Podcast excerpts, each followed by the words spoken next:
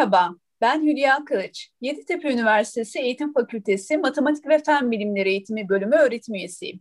Merhaba, ben Oğuzhan Doğan. Ben de aynı bölümde öğretim üyesiyim. Geçtiğimiz yayınlarda çocukların okul öncesi dönemde matematikle ilk tanışması ve ilkokulda matematiğe ilişkin ilk deneyimlerinin onların matematik algısını nasıl etkileyebileceği üzerine konuşmuştuk. Bu yayınımızda ise gelişimsel olarak çocukların soyut düşünme becerilerinin şekillendiği ortaokulda öğrencilerin matematiksel düşünme becerilerini nasıl geliştirebiliriz konusunu ele almaya çalışacağız. Bugünlerde özellikle ortaokul sonrası ya da uluslararası sınavlarda beceri ölçülmesine ilişkin konular daha çok ön plana çıktığı için bu konuyu yedelemek istedik. Önce matematiksel düşünme becerisi denince ne anlıyoruz? Biz matematik eğitimcileri olarak ne demek istiyoruz? Bunu biraz açıklayalım. Olsan Hocam, bir matematik öğretmeni ve matematik eğitimcisi olarak siz matematiksel düşünme becerilerini nasıl tanımlıyorsunuz? Evet, her zamanki gibi zor soru bana geldi. Matematiksel düşünme becerisi aslında yani oldukça gerçekten tanımlaması zor bir kavram. Geniş bir kavram. Ama şöyle bir şansımı deneyeceğim Hülya Hocam. Günlük yaşantımızda veya iş yaşantımızda, iş hayatımızda, e, toplumsal hayatta karşılaştığımız sayıları, çoklukları, şekilleri, bunlar arasındaki ilişkileri, benzerlikleri veya farklılıkları veya örüntüleri fark edebilmek, e, modelleyebilmek, soyutlayabilmek ve başkalarına ifade edebilmek, yani başkalarına da aktarılabilir forma sokabilmek diye düşünüyorum. Zaten geniş de bir kavramdan bahsediyoruz. Altına şöyle düşünce uzamsal düşünme, yani geometrik düşünme, orantısal düşünme, istatistiksel düşünme, mantıksal akıl yürütme, problem çözme, ilişki kurma, e, soyutlama, model, modelleme, sonu gelmez alt becerilerden oluşan bir beceriden bahsediyor gibiyiz diye düşünüyorum. Evet, yani söylediklerinize ben de katılıyorum. Matematiksel düşünme becerileri ya da düşünme becerilerinin tanımı farklılık gösterebiliyor. Bazen de aynı şeyi farklı başlıklarla tanımlamaya çalışıyoruz. Aynen, aynen. Ee, bununla birlikte bahsettiğimiz tüm problem çözme, akıl yürütme, ilişkilendirme gibi beceriler birbiriyle çok bağlantılı. Yani bir beceriyi geliştireyim derken diğer becerilere de ihtiyaç duyuyorsunuz ya da onu geliştirirken aslında diğerlerini de geliştirmiş oluyorsunuz. Belki Hülya Hocam hani bu e, kavramın hem geniş hem de bir yandan farklı tanımlanmasının da sebebi değil mi bu şey? Aynen birisi, öyle. Birisi başka bir beceriyi e, ön plana çıkartıyor. Diğer bir tanım başka bir beceriyi ön plana çıkartıyor. Aynen öyle. Örneğin hani problem çözme becerisi için biz diyoruz ki öğrencinin akıl yürütmesi gerekir. İşte akıl yürütebilmesi için de konuyla ilgili kavramları, ilişkilendirmeleri bilmesi, işte eldeki durumla istenilen durum arasındaki doğrudan ya da dolaylı ilişkileri kurması gerekiyor. Ama diğer taraftan da diyoruz ki problem çözdükçe de siz bu ilişkileri araştırıyorsunuz, öğreniyorsunuz ya da keşfediyorsunuz. Yani bir nevi hani tavuk mu yumurtadan, yumurta mı tavuktan hikayesine benziyor aslında. Doğru. Ya ama tabii şimdi böyle tanımın içinde de boğulmayalım o zaman. Hani şeyde e, zorluğunu da biliyoruz. Belki ilgilenenler farklı kaynaklardan yararlanır. E, böyle iç içe geçmiş bir yapıda hani biraz daha pratik düşünmeye çalışalım istiyorum. Öğretmenler olarak bizler okul ortamında bu becerilerin gelişmesi için neler yapabiliriz? Birçok beceri saydık hani sınıfta neler yapabiliriz bu beceriler için? Evet, aslında ilk başta matematik öğretimine ilişkin bakış açımızı değiştirmemiz gerekiyor. Nasıl biraz önce dediğim gibi hani sınavlarla beraber becerinin öğretimi ve ölçülmesi önem kazandı. Yıllardır söylene gelen ve şikayet edilen işte ezberci yaklaşımdan uzaklaşarak işe başlamalıyız. Bunu söylediğimiz zaman pek çok öğretmen geçmişte e, ama işte sistem bunu istiyor, sınavlar buna göre yapılıyor, öğrencinin sınav başarısı, öğretmenin ya da okulun başarısı olarak algılanıyor şeklinde bir karşılık veriyor.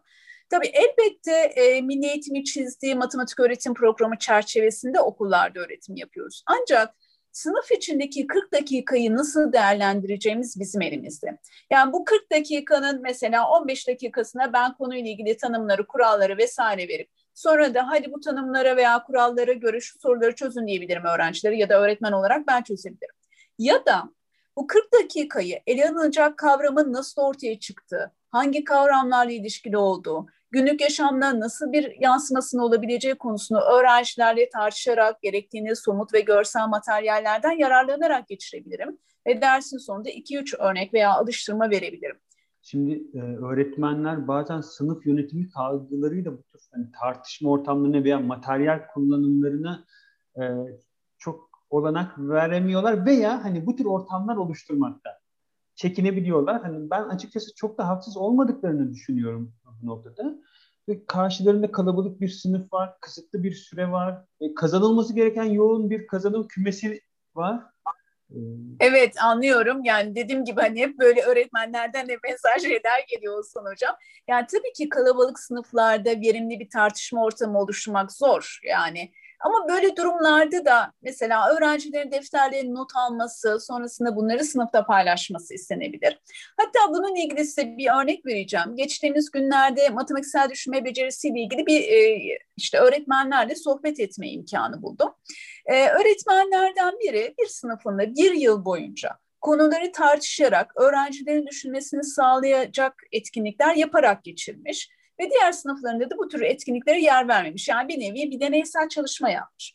Bir süre sonra tartışmaların olduğu sınıftaki öğrencilerinin diğer öğrencilerine göre işte karşılaştıkları durumlara veya problemlere karşı farklı bakış açıları ya da yorumlar geliştirdiklerini gözlemlemiş. Yani kısacası hani öğretmenin kendi yaptığı bu deneyim, e, deneyden de görüyoruz ki hani düşünme becerilerinin gelişmesi için öğrencinin işin içinde olması yani tartışması, düşünmesi vesaire gerekiyor. Dolayısıyla onun düşünmesine fırsat verecek öğrenme ortamlarının oluşturulması gerekir. Ne kadar kalabalık sınıflarda e, öğretmenlik yapıyor olursak olalım.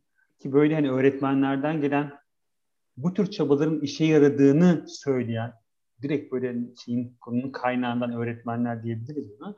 Öğretmenlerden gelen ve konunun bu tür tartışmaların işe yaradığını gösteren e, bulgular çok kıymetli diye düşünüyorum.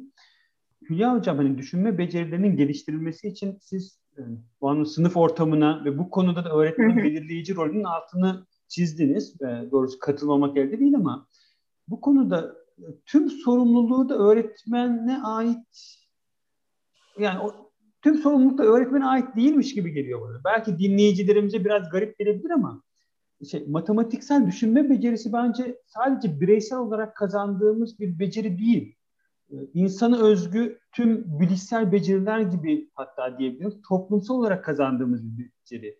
E, bunu biraz şuna benzetiyorum ben. Bilimsel yaklaşımın veya bilimsel düşünmenin toplum nezdinde kıymet görmesi gerçekten uzun, zorlu ve hala devam eden bir süreç. Bireyler olarak bilimin önem, önemini içselleştirebilmemiz için bilimsel yaklaşıma toplum nezdinde hak ettiği değerin verilmesi gerekiyor. Eğer matematiksel düşünme becerileri sadece matematik sınıflarında kıymet veren bir beceri olursa, sadece sınıfa ben sıkıştırırsa, öğrencilerimizin bu beceriyi kazanması da uzun sürecektir, daha uzun sürecektir diye düşünüyorum. Yani bu noktada e, denebilir ki belki matematik zaten toplumda kıymet görmüyor mu? Herkes matematiğin öneminin farkında değil mi ama evet matematiğin önemi oldukça düşünülüyor ama önem verdiğimiz şey maalesef matematiksel düşünmeden ziyade matematikten alınan yüksek notlar oluyor. Evet. Aslında e, beceri gelişimi okul ile sınırlandırılmamak e, gereken bir husus. Aile içinde ve diğer e, sosyal ortamlarda bir çocuğu düşünmeye ve düşündüklerini açıklamaya, paylaşmaya sevk edici ortamların oluşturması evet, gerekir. Tam, Kesinlikle tam, size katılıyorum. Ya, tam böyle hani şeyi hakikaten sınıfın dışında da yaşamamız evet. gereken bir süreç demeye çalışıyorum. Evet. Yani en basitinden evde ev ile ilgili ya da bahçe ya da tarla ile ilgili bir iş planlarken bile ebeveynlerin çocuğa örnek olması açısından sesli düşünmesi ya da planı yaparken çocuğa sen ne düşünüyorsun, sence nasıl yapmalıyız gibi sorular yöneltmesi bile düşünme becerilerinin gelişimi için faydalı olacaktır.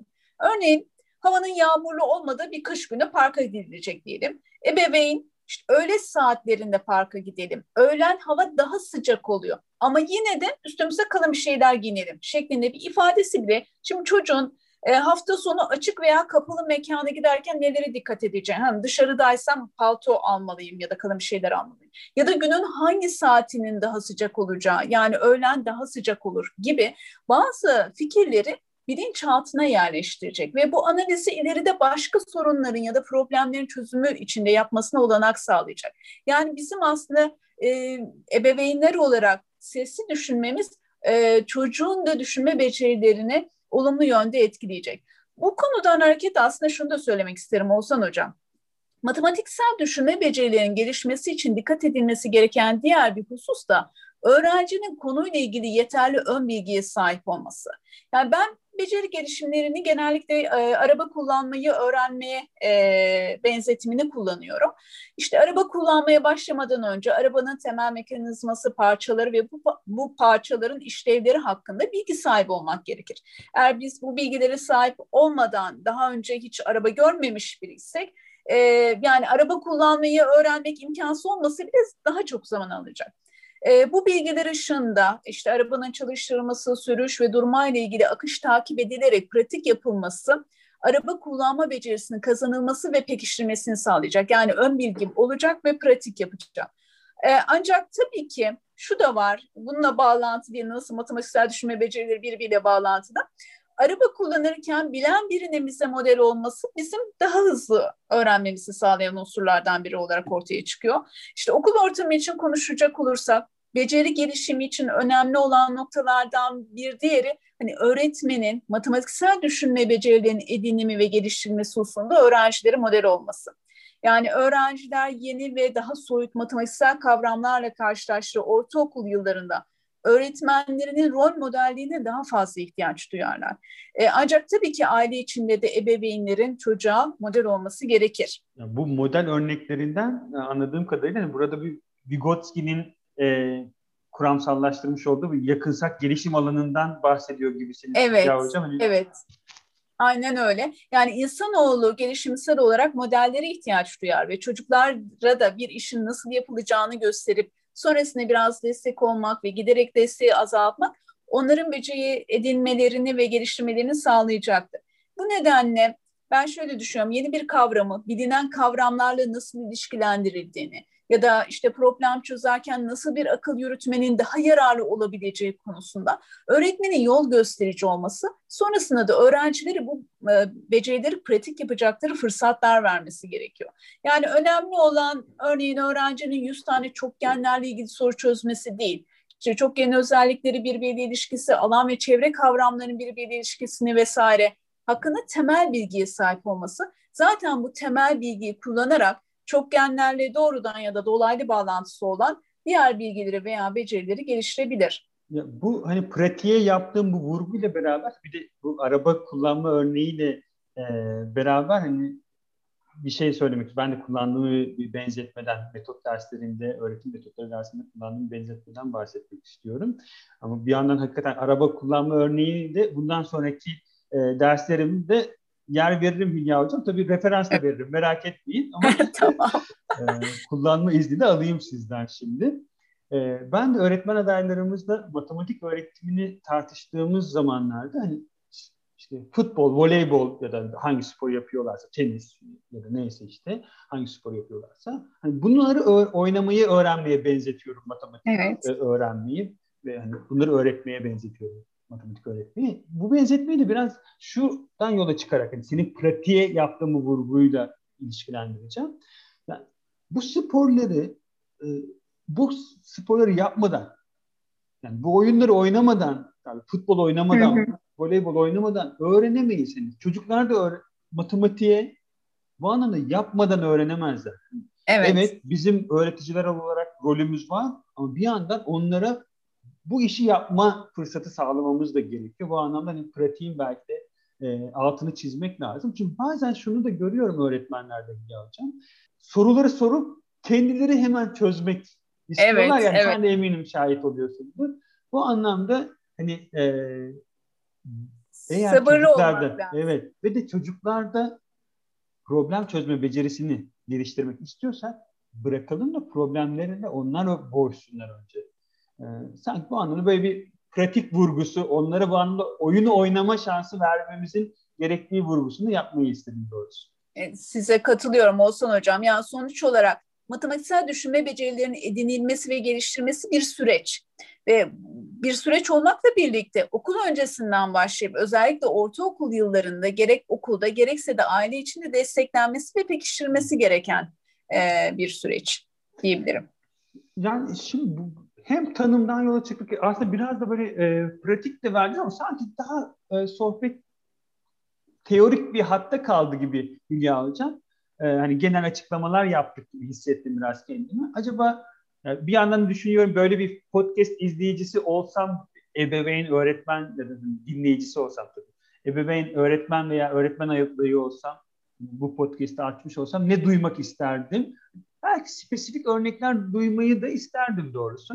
E, dolayısıyla böyle bir çocuğun özellikle yani ilkokul, ortaokul ço çağındaki söyleyemedim, çağındaki bir çocuğun matematiksel düşünme becerisini geliştirmeye faydalı olabileceğini düşündüğün etkinlikler var mı? Belki aileler, öğretmenler sınıflarında veya evlerinde kullanabilen daha spesifik örnekler verebilir misin bize? Ben şöyle düşünüyorum, özellikle e, basit akıl yürütme becerisi gerektiren etkinliklerle başlanıp sonrasında daha karmaşık yapı içeren etkinliklerle devam edilmesi e, daha uygun olur.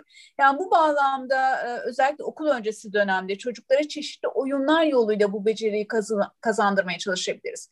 Örneğin pek çok oyuncu, e, oyuncakçıda ben şey görüyorum, böyle farklı geometrik şekillerin bir küp üzerine yerleştirdiği bir eşleme evet, oyunu eşleme, var. E, biz, ee, mesela bu oyuncak, evet çocuğun boyut, köşe, kenar sayısıyla ilgili aslında algısına hitap ediyor ve ilişkilendirme yapmasını gerektiriyor. Eğer böyle bir oyuncağa erişim yoksa bile ebeveynler evdeki çeşitli materyallerden mesela örüntü kurmaya ilişkin etkinlikler yapabilir. Örneğin çeşitli renkteki ipliklerden veya kurdelelerden bir desen örüntüsü oluşturulabilir. Yani belli bir yere başlanır hani devamını sen getir şeklinde. Ya da boya kalemleri kullanılarak diyelim ki işte sarı sarı, mavi, mor mor diye giden bir örüntünün devamını çizilmesi istenebilir. Ya da hani yaş biraz daha ilerledikçe soru cevap etkinlikleri yapılabilir. Mesela örneğin bir sokak kedisi için bir kulübe yapmak istiyoruz. İşte hangi malzemelere ihtiyacımız var sorusuyla başlayıp nasıl inşa edebileceğimizin tartışmasını gerçekleştirebiliriz. Yani biraz da çocuğa yönlendirmiş, düşün şu olabilir mi, bunu kullanabilir miyiz tarzı. Ya da okul zaten ile birlikte... Hocam, şimdi, evet. E, böyle çocuklar zaten sokak hayvanlarını bu anlamda e, son zamanlarda diyeyim daha böyle koruyucu evet. bir tavır sergiliyorlar. Hakikaten şeye de dönüştürebilir, bir ürüne de dönüştürebiliriz. Aynen Sadece öyle. soruda Aynen da kalmayabilir. Öyle. Evet, evet. Eğer imkan varsa gerçekten yani müsaitse e, işte ne bileyim bir bahçe varsa evet, evde hani evet. orada malzemeler alıp yapılabilir. Neden olmasın? Ve bunu da dediğim gibi hani sesli düşünme, ebeveyn sesli düşünecek, soru cevap şeklinde olacak. Ve okulla birlikte artık mantık oyunlarının seviyesi ile bu soru cevap etkinliklerin içeriği daha da zenginleştirilebilir ve konuya özel olarak yapılabilir. Örneğin mesela ben en çok şu etkinliği de çok seviyorum ve faydalı olduğunu düşünüyorum. Mesela arabada giderken geçen vakti daha iyi değerlendirmek amacıyla çocukta böyle kelime oyunu ya da sayı oyunları oynamak bile aslında düşünme becerisini e, geliştiriyor, etkiliyor. E, burada tabii matematik nerede diye sorabilirsiniz ama aslında bu tür e, etkinliklerin içinde örüntüyü keşfetmeye, ilişkileri kurmada gizli. Elbette bunların yanı sıra böyle doğrudan matematiği çağrıştıran etkinlikler de yapılabilir. Mesela buna yönelik senin verebileceğin evet. örnekler olabilir Aslına mi? Aslına bakarsan sen araba örneğini verince nedense benim aklıma hemen hani gerçekten şey konuyla ilgili hem fizik hem de matematiğiyle ilgili evet. ilk şey geliyor hani ne kadar sürede gideriz? Ben hı hı. arada bunları da sormaktan doğrusu hani gerçi şimdi benim de 8-9 yaşlarında bir kızım var. E, dinleyicilerimiz bilecek. E, dolayısıyla aslına bakarsan bu önerileri sana veya başka hocalarımıza sorarken biraz da kendim için de e, dinliyorum. Evet. Arabada yani ne kadar sürede varırız veya bir şeye geldiğimiz zaman, tünele geldiğimiz zaman işte iki dakika boyunca seyahat edenler 2-3 dakika süren tüneller de oluyor. Hı hı. E, hızımız da şu kadar da tünelin uzunluğu ne kadar olur? gibi gerçekten hani şeyde sonra internetten arayıp da bulabileceğiniz böyle küçük matematiksel sorular da sorabiliyorsunuz. Ben yolculukları o anlamda bunlar için de bir fırsat olarak görüyorum. E, bunun dışında da birkaç örnek vermek isterim. Hani şeyden dinleyicilerimize kendi kızımla beraber neler yapıyorum, arada gerçi dediğim gibi bazen sıkılabiliyor onu da söyleyeyim. evet. Mesela şeyi e, faturalar bu anlamda çok bize matematik yapma şansı veriyor. Ee, geçen doğalgaz faturası gelmiş işte söyleme sahip yaklaşık işte 240 lira falan. yani 30 günde var ya Hülya Hocam. Günde ne kadar evet. hani günde ne kadar doğal gaz yakmışız? Günde ne kadar e, yani kaç liralık doğal gaz yakmışız? Elektrik, su da düşünülebilir. Bunların ya da işte hafta sonu mu hafta içi mi daha fazla harcanmış gibi ya onu görme, Hülya Hocam onu evet. görme şansın olmuyor tabii. Faturalı ha, bilgisi yok ama hani işte 30 şeyler var ya 30 gün işte şu kadar doğal gaz harcamışsın, şu kadar tutmuş. Bunlar bize hemen gerçekten oran orantı kurmak için fırsat sağlıyor doğrusunu söylemek gerekirse. Hı hı. Hani hem de karşılaştırma, aylar arasında karşılaştırma vesaire yapabilirsin daha sonraki durumlarda. Evet. Ee, yine e, sen de birçok hani oyuncaktan bahsettin. Benim aklıma hı. Legolar geldi o süreçte. Evet. Yani, üç boyutlu hani, tabii ki kulübeler ve sokak hayvanları için inşa edilebilir. Gayet de güzel bence ama evde zaten inşa ediyoruz. Belki biraz daha matematiksel tabirle mesela işte bir dikdörtgenler prizması oluşturalım e, gibi kavram ya da bir küp oluşturalım gibi hani matematik kavramları da bağdaştıracağımız e, şekiller ortaya koyabiliriz. Bir de hani böyle bence uzamsal düşünme becerilerini de etkilediğini düşündüğüm bir beceri var. Bence çocuklarımızdan mahallemizin haritasını, yaşadıkları bölgenin hı hı. haritasını çıkarmalarını isteyebiliriz. Ee, işte hangi sokakta ne var, işte markete nasıl gidiyoruz? Aslında bunlar bana sorarsan üç boyutlu düşünmemizi, uzamsal düşünme becerilerimizi geliştirebilecek nitelikte etkinlikler gibi geliyor. Evet, yani satranç bile aslında bu düşünme becerilerini e, hani olumlu yönde etkileyen oyunlardan biri. Ee, yani çok şeyler var evet, aslında. Çoğaltı, benim de çoğaltılabilir. Da, evet. Hakikaten velilerden ya da öğretmenlerden eminim çok daha zengin nitelikte de işler çıkacaktır. Evet. Yani bugün aslında bakarsan e, kısaca matematiksel düşünme becerilerini ele almaya çalıştık. Yani özetleyecek olursak beceri gelişimi küçük yaşlarda başlayıp belki de ömür boyu devam eden bir süreç. Bu süreçte çocukların hem rol modelleri hem de desteğe ihtiyaçları var. Ebeveynler ve öğretmenler olarak çocukların matematiksel düşünme becerilerini edinmeleri ve geliştirmeleri sorumluluğunu taşıyoruz. Ve bu sorumluluk çerçevesinde çocuklara e, çeşitli fırsatlar vermemiz ve onların hani 21. yüzyıl becerilerinden olan problem çözücü ve girişimci olmaları yönünde desteklemeliyiz. Ee, güzel topladın Hülya Hocam. Hani e, ben de şöyle bir e, toparlamaya çalışayım. Hem de hani bu podcast'i sonlandırmaya çalışayım yavaş yavaş.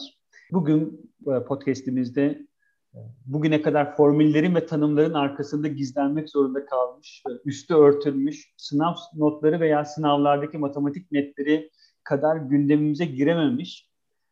Fakat bir yandan da artık daha çok karşımıza çıkmaya başlayan bir beceri olan matematiksel düşünme becerisine odaklanmaya çalıştık. Umarım dinleyicilerimiz de matematikle kurmuş oldukları ilişkide formüllerden ziyade aslında bu formüllerin de ortaya çıkmasını sağlayan matematiksel düşünme becerilerine odaklanırlar diyelim. E, tüm dinleyenlere teşekkür ediyor. Güzel günler diliyorum. Bir sonraki yayınımızda görüşmek dileğiyle. Hoşçakalın.